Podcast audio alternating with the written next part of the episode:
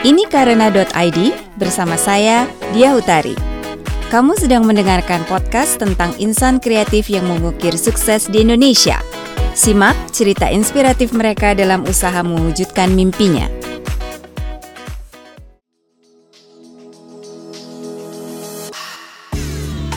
Anton Ismail adalah salah satu fotografer yang memiliki kontribusi besar di industri fotografi di Indonesia.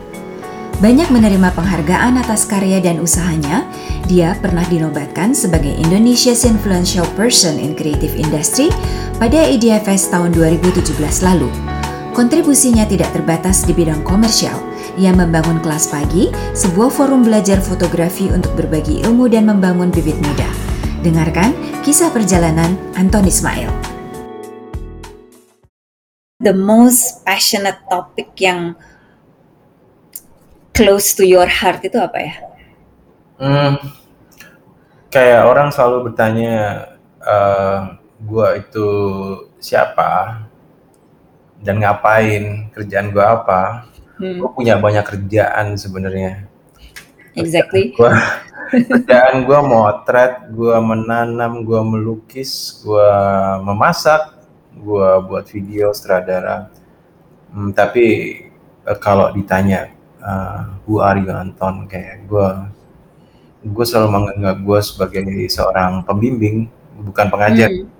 Gue pembimbing untuk apa teman-teman uh, teman-teman gue yang apa uh, membutuhkan pendampingan gue. Pendampingan di sini belum tentu gue lebih pintar dari mereka, tetapi I try to apa apa ya be their friends untuk apa maju ke depan itu sih.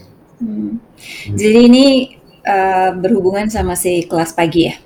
Uh, bisa iya bisa enggak. Maksudnya kelas okay. pagi itu kan sebuah institusinya, tetapi memang kalau ditanya uh, karya itu uh, karakter sebuah karya itu sebenarnya uh, awalnya itu dari personalitinya dulu. Jadi personality gue itu adalah orang yang secara tidak sengaja gue menikmati banget yang tadi lo tanya itu close to my heart itu adalah uh, apa membimbing. Gue gue berusaha untuk tidak mengatakan mengajar ya. Kalau mengajar itu gue lebih tahu dari mereka tetapi kalau membimbing oke okay, see what I can do apa yang bisa gue buat untuk mereka itu hmm.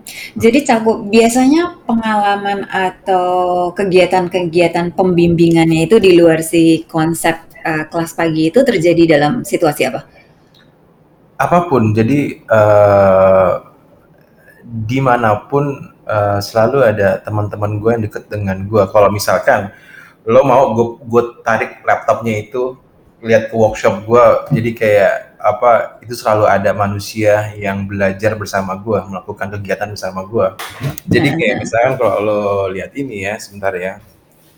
Uh, biar lo bisa tahu ide apa idenya seperti apa yang gue lakukan di mana pun gue melakukan sesuatu itu bersama-sama jadi kalau di kalau uh, apa namanya kita ngomongin soal melukis, fotografi dan lain-lain. Hmm. Sebenarnya uh, pengalaman pertama di di berkesenian itu ada di ada di mana waktu itu?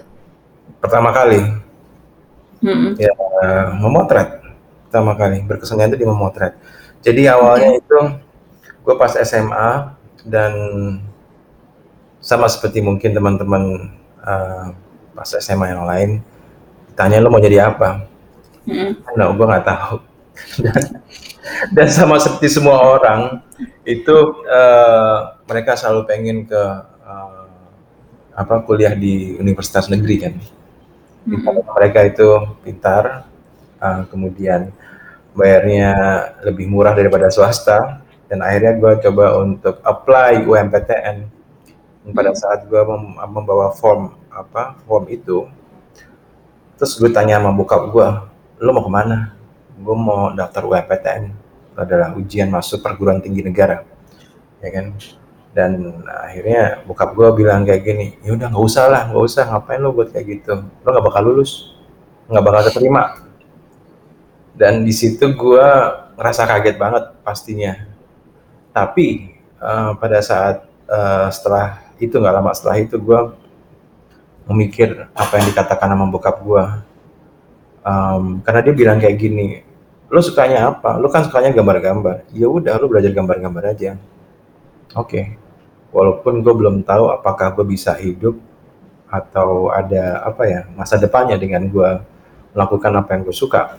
Tapi di sini almarhum bokap gue uh, memberikan satu dorongan ke gue, di mana dia itu adalah seorang tentara ya, dia tentara. Hmm. cukup apa ya ya militer tau lah. Tapi kayak gue kaget bagaimana orang tua gue mengatakan hal ini dan mensupport gue dengan apa yang gue suka. Dan di situ gue akhirnya uh, belajar uh, namanya foundation studies yang arahnya itu adalah ke desain itu di Australia di Melbourne. Uh, di situ gue mempelajari banyak hal tentang seni pengenalan permukaan aja tentang seni dan um, akhirnya gue di apa ya diarahkan untuk masuk ke fotografi. Walaupun gue menolak ya gue menolak. Tapi mungkin di sini adalah uh, mungkin orang yang tahu tentang uh, kelebihan kita di mana ya kan? Mm -hmm. dan akhirnya dia mengarahkan gue ke arah fotografi. Walaupun gue sangat menolak tapi ya udahlah gue cuma bilang di di hati gue oke okay, ton nurut sekali ini aja nurut. Oke okay, dan akhirnya gue nurut. Dan uh, alasan apa yang membuat gue iyain adalah dia cuma bilang kayak gini ton lo belajar disiplinnya dulu. Jangan jangan khawatir. Seni itu udah ada di darah lo. Lo nggak akan hmm. kehilangan itu sense lo. Yang lo harus pelajari itu adalah disiplinnya dulu. Lo harus disiplin. Gue dulu nggak kayak gini. Gue dulu adalah orang yang paling egois orang yang paling tidak mendengarkan uh, orang lain. Walaupun sekarang gue masih ada beberapa orang yang bilang kayak gitu sih. Tapi gue lebih gue lebih apa berkompromi sekarang. Karena dengan segala macam tanggung jawab gue gue lebih berkompromi. Dan di situ gue kayak merasakan apa ekspresi gue bisa keluar keluar keluar. Karena kelemahan gue itu kan di bahasa. Pada saat semua teman-teman gue apa belajar matematika lesnya fisika gue lesnya adalah bahasa Indonesia karena gue ada bakat-bakat disleksia dan gue tidak bisa membaca dan menulis dan tidak pernah uh, membaca secara proper atau menulis secara proper itu dan hmm. bahasa Indonesia gue dapat empat atau lima terus karena gue tidak pernah bisa menyelesaikan um, satu kalimat dengan baik. Even kayak pada saat gue mengarang dulu itu adalah gue cuma bisa mampu untuk membuat satu alinea menulisnya. Hmm. yang susah apa ya? Gitu. berarti memang sebenarnya lo nurutnya dua kali sih. Pertama nurut sama bokap kedua nurut sama your uh, mentor di Australia.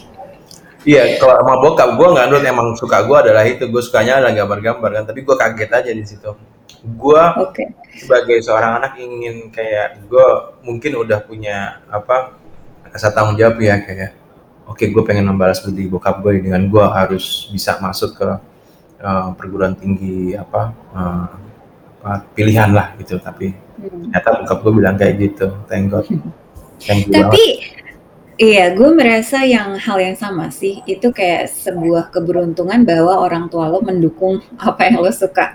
Hmm. Gue ada kasus di mana anak ini memang seneng banget drawing gitu ya, dia pengen banget jadi ini true story, pengen hmm. jadi graphic designer and this is just last year gitu, dia baru lulus SMA, tapi orang tuanya bilang enggak enggak enggak, uh, kamu harus masuk uh, sekolah teknik gitu. Akhirnya ya dia bilang gue mesti nurut orang tua gue dan si gambar ini dikesampingkan. Jadi akhirnya hari ini dia lagi mengerjakan si studi tekniknya itu gitu.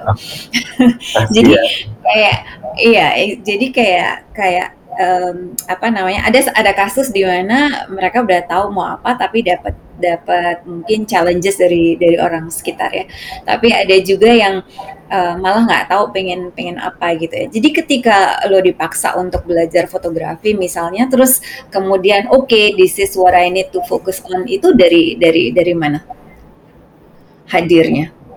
Um, gue jadi inget ya kayak um, gue tuh ternyata itu selalu bisa bertutur lewat gambar. Hmm. Dan fotografi itu membantu gue untuk berkomunikasi. Ya.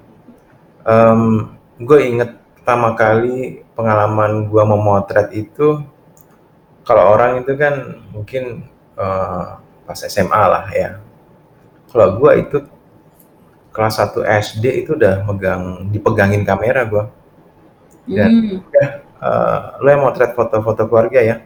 Walaupun itu uh, komposisinya udah nggak bener tapi kayak gue gue mempunyai pengalaman untuk apa merasakan memotret itu dari kecil. Masih hmm. pakai film analog itu. Dan itu terus terus terus terus. Dan akhirnya ya sampai itu memori itu kebawa sampai SMP akhirnya kayak gue pengen lagi deh motret secara serius hmm. dan akhirnya pas SMA dibeliin satu kamera yang apa itu membuat gue lebih semangat lagi untuk apa bercerita lewat foto itu sih. Hmm. Itu kalau lo bilang bercerita lewat foto, biasanya pada saat lo sedang memegang kamera dan ada objek di depan, hmm. apa yang keluar duluan? Ketika ingin bercerita, apa yang pengen diceritakan? Uh, bercerita, jadi gini, bercerita bercerita lewat foto itu hmm, bukan membuat cerita ya. Gue kalau ditanya orang, fotografi itu apa sih? Fotografi itu adalah refleksi dari cara pandang manusia yang memotretnya. Dan secara hmm. tidak langsung, manusia yang mengoperasikan kamera itu dan mengambil gambar, foto atau gambar itu, itu dia bercerita sesuatu. Misalkan, contohnya, gue coba pinjam handphone lo untuk lima menit deh. Gue buka galeri lo foto. Lo kan nggak mikir ya lo mau tet apa? Tetapi di situ lo bercerita apa yang lo nggak suka apa yang lo suka concern lo itu tentang makanan yang seperti apa. Misalkan lo motret anak lo jadi kayak oke okay, gue bisa tahu sedikit banyaknya lo tuh seperti apa sih orangnya? Itu kayak baca zodiak. Uh, iya sebenarnya kayak ada beberapa orang yang tanya ke gue, lo kok bisa nebak gue sih ton? Lo cina yang kagak. Maksudnya kayak, lo coba deh pakai logika lo aja. Kalau misalkan lo uh, eager of something atau lo apa sangat suka akan sesuatu, ya lo pasti menumpahkan itu di ke, kelihatan lah di foto itu. Contohnya, anak gue yang itu umur 4 tahun, gue pegangin kamera, dia motret-motret semuanya. Motret gua itu kepotong kepalanya. Kemudian motret uh, ibunya itu kepalanya nggak kelihatan. Jadi semuanya itu blur dan kepotong-kepotong. Tetapi yang paling jelas terlihat dan terportray oleh dia itu adalah foto mbaknya yang megang dia setiap saat. Hmm. Itu bener-bener pukulan tuh gue gila, gue ke mana aja. itu sih. Hmm. Picture tells a thousand words ya. Iya. Foto si Mbak. iya, bener. Bener sih. Jadi kadang kayak apa, tanpa kesadaran kita, sebenarnya dengan memotret kita sudah bercerita atau bertutur. Kayak makanya gue menyimpan uh, semua foto-foto gue tuh, gue tuh orangnya tuh kayak museum. Jadi kayak gue punya uh, banyak kumpulan foto-foto gue dari zaman lalu, kemudian apa um, apa pun itu bukan hanya foto, tapi kayak ceretan-ceretan gue yang gue kumpulkan di dalam satu buku itu. Hmm. Jadi gue seperti itu, dan semuanya itu adalah gambar hmm. dengan sedikit tulisan. Hmm. Dari kapan itu? Uh, dari gue pas masuk kuliah, gue diajarin oh, wow. bahwa iya, gue diajarin bahwa hmm, uh, lo buat visual diary deh. Hmm. Apa itu visual diary kayak gitu kan? Ini adalah hmm. semua apa ide-ide lo, keresahan lo, uh, apa pun, apa pun, ya apa pun lo masukin situ. Nggak harus ada konsepnya kan? Oke. Okay. And then I start doing that kayak gitu. Dan gue nggak bisa hmm. berhenti sampai sekarang karena ternyata itu bisa menjadi satu apa ya uh, catatan uh, perjalanan kita ya walaupun itu tidak terkonsep ya dan sering banget bahwa uh, pada saat pameran uh, kurator itu memilih salah satu karya gue yang ada di situ. Ya itu cukup menarik sih. Karena kenapa lo milih itu? Karena intention lo karena lo nggak mikir karena it's it's pure from you lu nggak terbebani hmm. dalam membuatnya, uh, lu tidak berusaha, lu tidak membentuk diri lu, tapi lu terbentuk seperti itu aja dan akhirnya ada ada ada apa gambar itu itu sih mbak. Itu biasanya ditulis setiap hari gitu? Uh, enggak, enggak, enggak. Tapi kayak itu gua bawa ke mana-mana sih, gua bawa ke mana-mana. Hmm. Kayak buku si kayak si Moleskine-nya Picasso ya? Yes, Moleskine. Ya, itu gue pakai itu. Oke. Okay. Karena tahan bertahun-tahun ya covernya. Tahun-tahun. Yes, ha Itu okay. udah udah kayak apa ya? Udah kayak sampah aja uh, looknya itu udah kayak udah kayak gombal deh pokoknya. Ada benang merahnya nggak kalau dilihat-lihat gitu? Ada. Suka ada, dibuka ada. lagi nggak?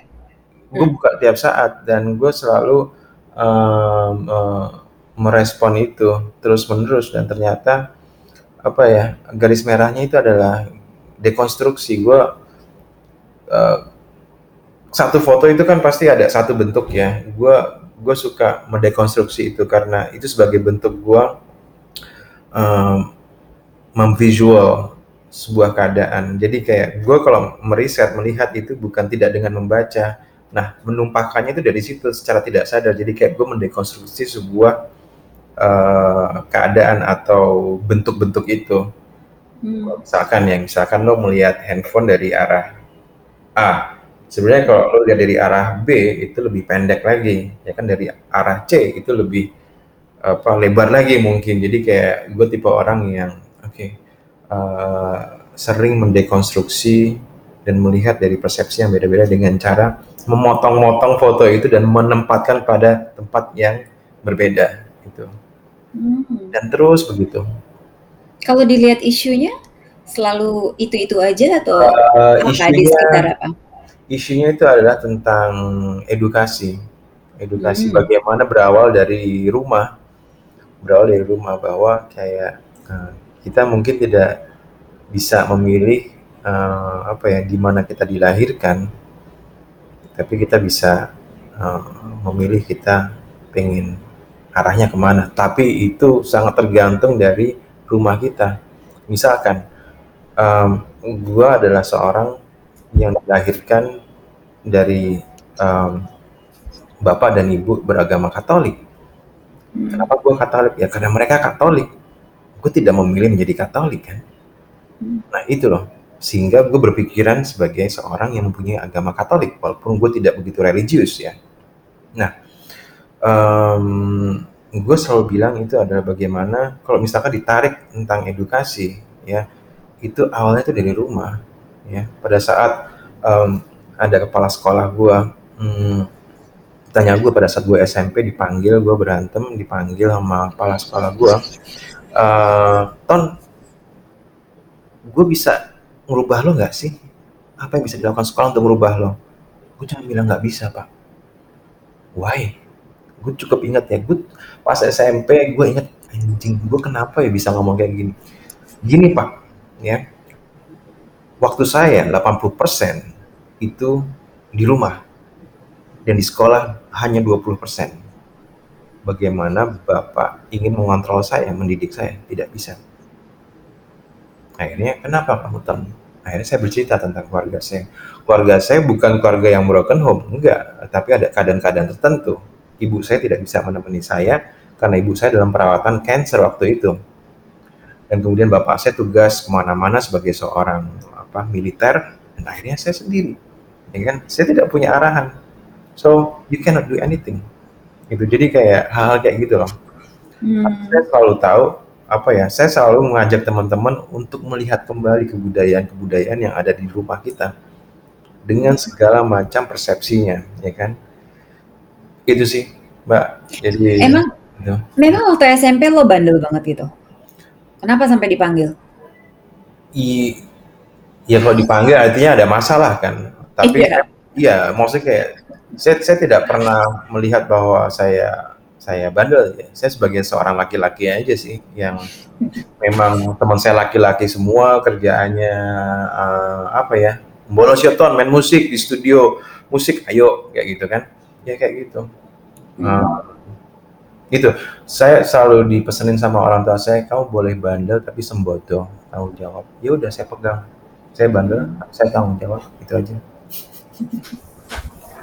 eh kan sekarang lu suka ketemu sama anak-anak muda? Mungkin dari ya kayak sekarang di studio banyak banyak anak-anak muda. Hmm. ada nggak dari dari mereka yang merasa bahwa sulit untuk keluar dari lingkarannya gitu? Sehingga oh, iya.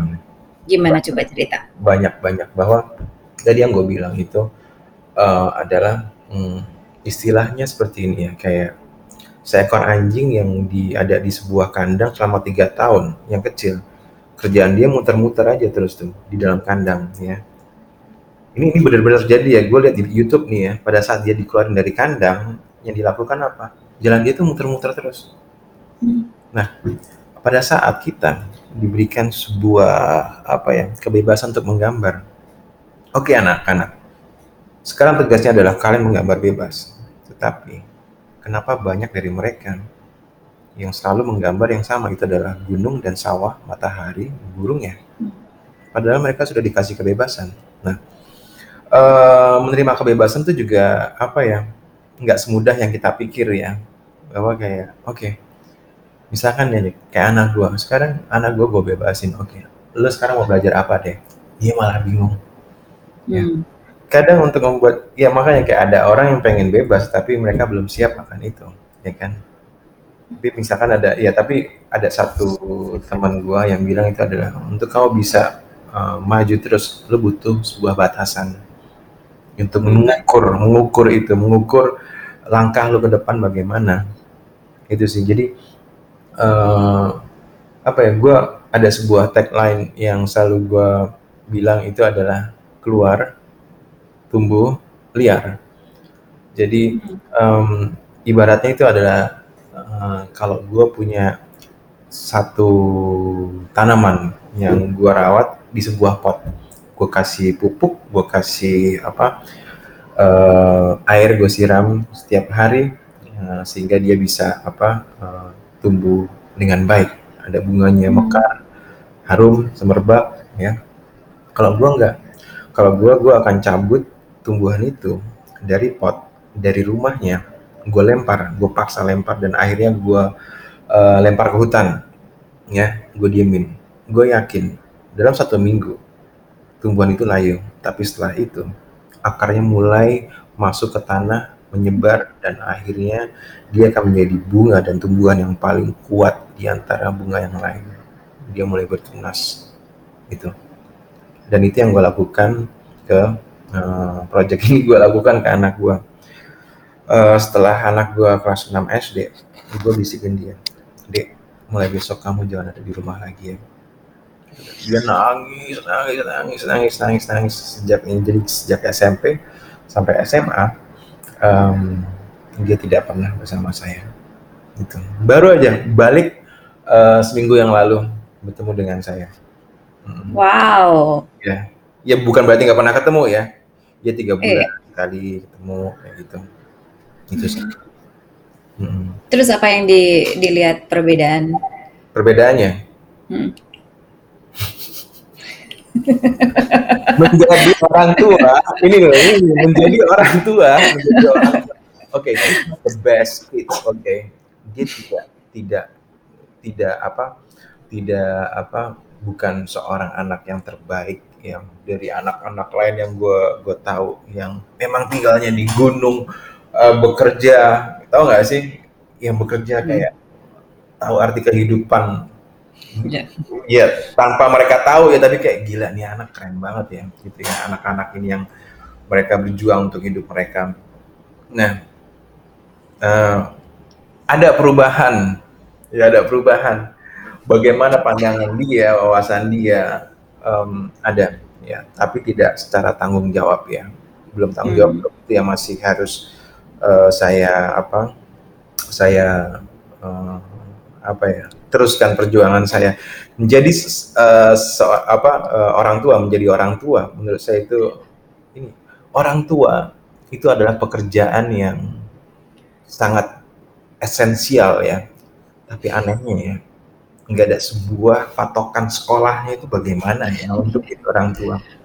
Istilahnya itu kita adalah masing-masing kita yang punya anak itu kayak jugglingnya, kayak dengan cara kita di apa anak kita untuk menjadi baik menurut kita ya dengan harapan-harapan itu. Jadi ini jadi hal yang menarik ya bagaimana uh, saya melihat uh, perubahan seorang itu mungkin kalau saya lihat tuh adalah saya menghargai setiap perubahan kecil. Mungkin untuk anak ini atau untuk orang lain itu sebuah langkah besar atau perubahan besar. Saya tidak boleh apa ya mengunderestimate perubahan-perubahan kecil yang terjadi di orang lain gitu. Anak lu berapa ton? Ada berapa Satu. berapa orang? Satu. Satu. Satu. Anak gue dua.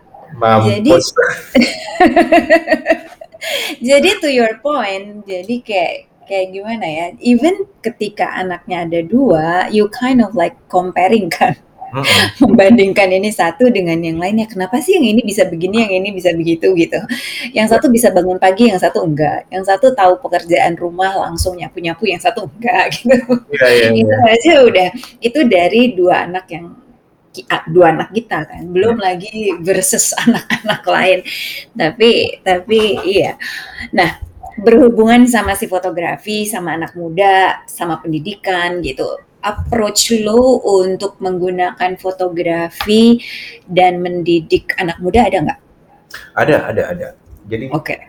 kelas pagi orang selalu mengenal bahwa ini adalah kelas fotografi.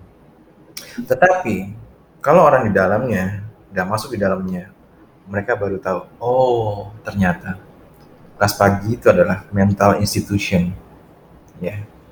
Jadi um, satu pelajaran yang selalu ada itu yang saya tekankan itu adalah uh, kelas presentasi. Hmm. Uh, di kelas pagi kita tidak uh, melihat bagaimana dia jago di teknis kamera lo apa, tapi bagaimana mereka itu bisa menceritakan tentang apa yang dekat dengan diri dia dan menggalinya lebih dalam lagi. Jadi kita mempertanyakan apa pun, kita mempertanyakan apa ya, ada satu anak nih uh, ada tugas untuk memotret. Itu kemudian mereka presentasi. Ya satu uh, mereka uh, pasti nanti uh, dipertanyakan oleh teman-temannya dan saya juga mempertanyakan itu. Sampai ke bottom lainnya yang akhirnya itu adalah semuanya itu merujuk kepada hal esensial yang apa uh, yang akhirnya terceritakan tentang mungkin misalkan masalah hubungan dia dengan orang tua, bagaimana dia. Jadi uh, akhirnya ke arah komunikasi, kayak penghargaan terhadap hidup, kayak hal-hal lain yang esensial menurut gue. Yang itu sebenarnya itu bisa uh, membuat anak-anak um, ini harapannya ya untuk bisa lebih peka terhadap manusia yang lain dan sesama yang lain pada saat uh, kamu mau peka, lo harus peka terhadap diri lo sendiri kan itu sih sebenarnya mbak gitu jadi pada saat uh, apa ya mengajarkan fotografi, gue menggunakan kata mengajar. Approach yang pertama itu adalah justru di bagaimana mengkomunikasikan si hasil fotonya tersebut versus hmm. teknik-tekniknya. Itu pelajaran pertama tuh. Pelajaran pertama itu adalah mereka harus menceritakan um, tentang apa ya foto tersebut. Hmm. Ya. Kenapa kamu motret itu? Ya. Kenapa? Ceritakan. Ya. Dan pada saat dia menjawab, tanya saya tanya lagi yang berhubungan dengan jawaban dia sampai ke hmm. bottom. Sampai dia kebanyakan mereka tidak bisa menjawab. Nah, itu sih. Jadi uh, bukan tentang fotografi teknis iya, teknis iya, tetapi uh, zaman sekarang ya Mbak ya, semua orang bisa memotret dengan baik ya. Hmm. Lo bisa belajar di YouTube, lo bisa belajar di mana pun di sosial media. Gitu. Hmm. Jadi kalau uh, apa ya, kalau pakai kacamatanya Anton nih, foto yang baik dan foto yang kurang baik itu apa? Foto yang baik untuk gua selalu gue tanyakan ke teman-teman. Bro, apakah lo udah dapet apa yang lo mau? Hmm. Hmm, kalau dia masih, hmm, gimana ya? Oke, itu adalah bukan foto yang bagus artinya, lo belum yakin. Gitu sih. Foto yang bagus itu adalah saat lo sudah serap atau suka dengan foto itu, ya udah, itu adalah foto bagus untuk lo. Dengan segala uh, ketidaksempurnaannya, itu, menurut gue itu, menurut gue ya, banyak sekali teknis-teknis yang ada. Oh, komposisi, uh, kemudian warna atau apa pun itu ya, ya hmm. itu um, itu lain soal ya. Kalau kita masuk ke industri, kita baru bicara itu. Ya kan? Tapi sekarang hmm. fotografi itu adalah sudah milik publik kan. Semua orang sudah mempunyai pengalaman, hampir semua orang ya memotret ya dari apa dari handphone atau apa itu adalah memotret ya kan dan itu menghasilkan foto. Nah kalau lo udah suka dengan karya lo itu atau hasil fotonya itu ya hmm. itu adalah sebuah foto yang bagus menurut gua. Hmm. karena gue ingat gini Bentar, ada satu hal penting lagi. Pada saat gue mau masuk kuliah ada seorang profesor di situ menanyakan ke kita anak-anaknya kenapa kalian pengen belajar memotret atau fotografi di sini? Semua anak dengan antusiasnya karena gue mencintai fotografi because photography is my life karena dari fotografi gue bisa berekspresi dengan baik dengan segala macamnya. Dan dia mengulang pertanyaan itu. Sekarang gue tanya sekali lagi kenapa lu ingin memotret? Gue tanya sekali lagi dan semuanya diam. Dan akhirnya profesor ini mengatakan hati-hati ya. Sesaat setelah lo belajar fotografi lo tidak akan bisa bermain-main seperti anak kecil atau mencintai fotografi seperti sedia kalanya. Kenapa? Karena keilmuan itu masuk, lo udah mulai memikirkan tentang komposisi, warna, apa pun yang tadinya lo itu bermain-main dengan fotografi, lo mencintai fotografi, lo tidak akan mencintai fotografi seperti sedia kalanya. Dan itu kena banget di kita semua. Hmm. Gitu sih. Karena apa? Satu, ilmu pengetahuan itu mengarahkan kita Dua, kebodohan itu menyesatkan kita. Tetapi ketidaktahuan itu membebaskan kita. Kalau kita nggak tahu, kita bebas buat apa aja. Pada saat kita bebas, kita nggak takut salah. Pada saat itu terjadi, penemuan-penemuan baru akan muncul. Hmm. Itu ini banget sih ya, kayak uh, Makanya mungkin banyak orang-orang yang, uh, yang gue pengen soroti itu adalah ketidaktahuan ini. Jadi kadang-kadang ketidaktahuan itu kayak, apa sih namanya, dua mata apa itu namanya, double swords, Mata mana ya? Iya. Iya ya. kan? Jadi kayak, uh, jadi ketidaktahuan ketidaktahuan menjadi membebaskan kita atau ketidaktahuan kita menjadikan kita ignorance kan. Betul. Jadi jadi dari dari murid-murid yang apa namanya yang ada nggak hasil karya dari murid-murid uh, kelas pagi yang kemudian membuat lo terkagum-kagum gitu? Um, banyak mbak banyak sekali. Dari uh, apa ya di sini masuk kelas pagi seperti awal gue bilang itu adalah hmm. eh kalian semuanya kalian semua tidak akan semuanya menjadi seorang fotografer ya. Hmm. kalian duduk di sini uh, kalian perhatiin itu. Pada saat kalian tidak menjadi fotografer it's okay nggak apa-apa. Tapi yang terpenting itu adalah kalian menjadi seorang pribadi yang lebih baik ya. Jadi um, karya-karya teman-teman dari kelas pagi ini banyak sekali Mbak yang menurut saya itu uh, membuat gue terkagum-kagum dengan karya-karya fotografi, videonya yang sudah hmm. masuk industri. Kayak misalkan contohnya gue sering banget dibantu sama salah satu murid gue untuk apa ya mensupport gue di dalam apa uh, keadaan-keadaan yang seperti sekarang ini karena dia udah berhasil. Ayo Pak E uh, aku bantu. Ayo apa yang bisa aku bantu? Dan situ kayak cukup terharu ya gue ya bahwa um, gila ya ini teman-teman gue nih kayak murid-murid gue nih sekarang kayak pada saat gue hmm, seperti ini sekarang kayak mereka membantu gue dan itu sih keren banget sih. Jadi uh, kalau gue ngelihat bukan hanya sebuah karya visual, tapi bagaimana bisa mereka bisa menjadi seorang pribadi yang uh, tangguh, yang kuat bertanggung jawab itu sih. Hmm. Hmm. Keadaan lo sekarang kenapa emangnya? Jadi gini mbak, jadi istilahnya ada satu hotel, hotel Ritz Carlton, dan sini ada hotel-hotel yang apa Oyo atau Red Doors ya dengan harga yang eh, tiga ratus ribu, empat ratus Ritz Carlton tuh kayak 4 juta, 3 juta semalam ya dengan sistemnya. Nah, gue ini adalah Ritz Carlton. Ya, hmm. apakah gue boleh uh, menurunin harga? No. Apakah gue bisa? Enggak. Dengan semua sistem yang sudah ada. Pada saat pandemi ini, apa yang terjadi? Orang memilih ke sini, ya kan? Untuk isoman, untuk macam-macam itu. Nah, yang terjadi adalah ini, yang hidup adalah yang ini. Saya ambruk.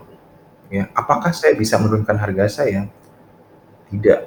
Yang bisa saya lakukan apa? Matiin listrik beberapa lantai. Ya. Untuk bisa muterin kos. Tapi apakah orang pakai saya? Hmm. Tidak. Ya kan? Ya ada, enggak yang apa jobnya habis banget ya enggak tapi di situ ya hmm, keadaannya kayak gitu okay. itu sih hmm.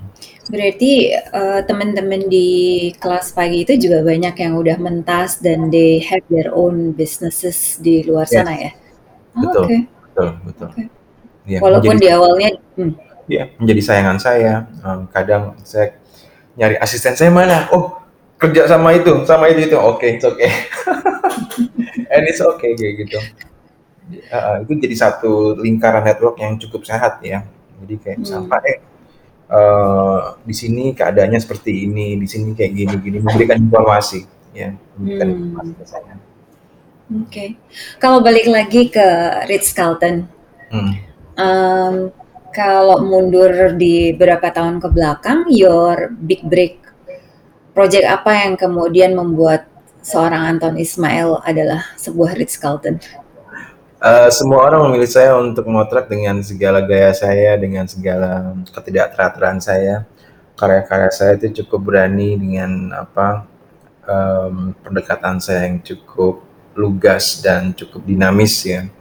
Dan apa itu saya bilang saya nggak takut untuk mencoba hal-hal baru yang itu menjadi satu apa ya uh, sumbangan apa uh, visual yang cukup menyegarkan pada saat itu. Nah, uh, pada saat saya menjalankan uh, tugas saya sebagai seorang fotografer komersial, apa yang saya lakukan di luar itu adalah saya terus mengembangkan diri saya di dalam pengetahuan-pengetahuan saya. Apa jadi uh, thank to kelas pagi saya selalu terupdate dengan kebudayaan-kebudayaan apa yang terjadi saat itu. Karena saya selalu terhubung dengan anak-anak ini, ya kan. Jadi kalau misalkan ditanya apakah saya uh, mengajar kelas anak-anak di kelas pagi, yes. Dan juga saya belajar dari mereka, dari pertanyaan-pertanyaan mereka, dari keresahan-keresahan mereka, yang itu leading to, oke okay, ternyata cara pikir mereka kayak gini ya ya. Artinya itu masa depan kita kayak gimana ya arahnya ya, itu bisa kebaca. Ya kan? Itu sih. Hmm. Terus suka ada yang bilang gini nggak, Bang Anton gue mau kayak lo dong gitu. Terus gue harus ngapain nih gitu. Ya itu, itu adalah satu kalimat yang paling gue benci ya. Karena apa ya, gue selalu bilang, apa, saya cuma megang satu kalimat dari Ki Hajar Dewantoro, Tut Uri Handaya, Tuturi Handayani. Gue di belakang dan menjaga lo maju ke depan. Gue tidak menjadi idol lo, not even di samping lo. Gue, ya, gue akan di belakang lo. Lihatlah itu luas banget di depan lo itu tanpa batas. Lo bisa menjadi siapa pun yang lo mau. Jadilah diri lo sendiri. Itu. Thank you so much for your time, Anton. Sama-sama. Thank you so much. Keluar, tumbuh, liar merupakan moto yang dipegang Anton. moto yang menggambarkan seorang individu yang harus keluar dari zona nyaman, bereksplorasi, belajar untuk berkembang. Menurutnya, mengeksplor suatu hal baru dan menjadi diri sendiri merupakan kunci dalam belajar seni untuk menciptakan karya yang tanpa batas. Terima kasih sudah mendengarkan cerita dari pelaku industri kreatif kita. Terus dengarkan cerita baru setiap minggu, jangan lupa subscribe dan bantu sebarkan juga ya. Jika kamu ingin tahu cara memulai bisnis, yuk kunjungin www.karena.id.